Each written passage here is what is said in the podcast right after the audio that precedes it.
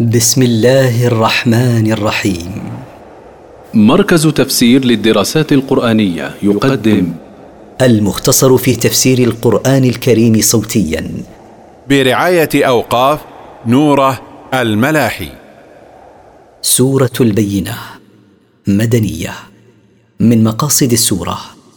بيان كمال الرسالة المحمدية ووضوحها. التفسير. لم يكن الذين كفروا من أهل الكتاب والمشركين منفكين حتى تأتيهم البينة. لم يكن الذين كفروا من اليهود والنصارى والمشركين مفارقين إجماعهم واتفاقهم على الكفر حتى يأتيهم برهان واضح وحجة جلية. رسول من الله يتلو صحفا مطهرة. هذا البرهان الواضح والحجة الجلية هو رسول من عند الله. بعثه يقرأ صحفا مطهرة لا يمسها إلا المطهرون. فيها كتب قيمة. في تلك الصحف أخبار صدق وأحكام عدل. ترشد الناس إلى ما فيه صلاحهم ورشدهم. وما تفرق الذين اوتوا الكتاب الا من بعد ما جاءتهم البينه وما اختلف اليهود الذين اعطوا التوراه والنصارى الذين اعطوا الانجيل الا من بعد ما بعث الله نبيه اليهم فمنهم من اسلم ومنهم من تمادى في كفره مع علمه بصدق نبيه وما امروا الا ليعبدوا الله مخلصين له الدين حنفاء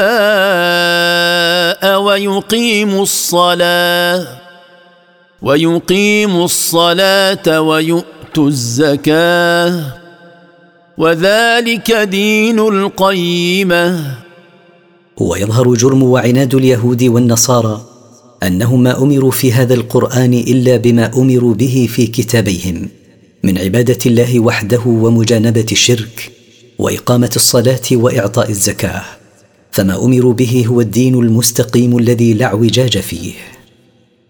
إن الذين كفروا من أهل الكتاب والمشركين في نار جهنم خالدين فيها.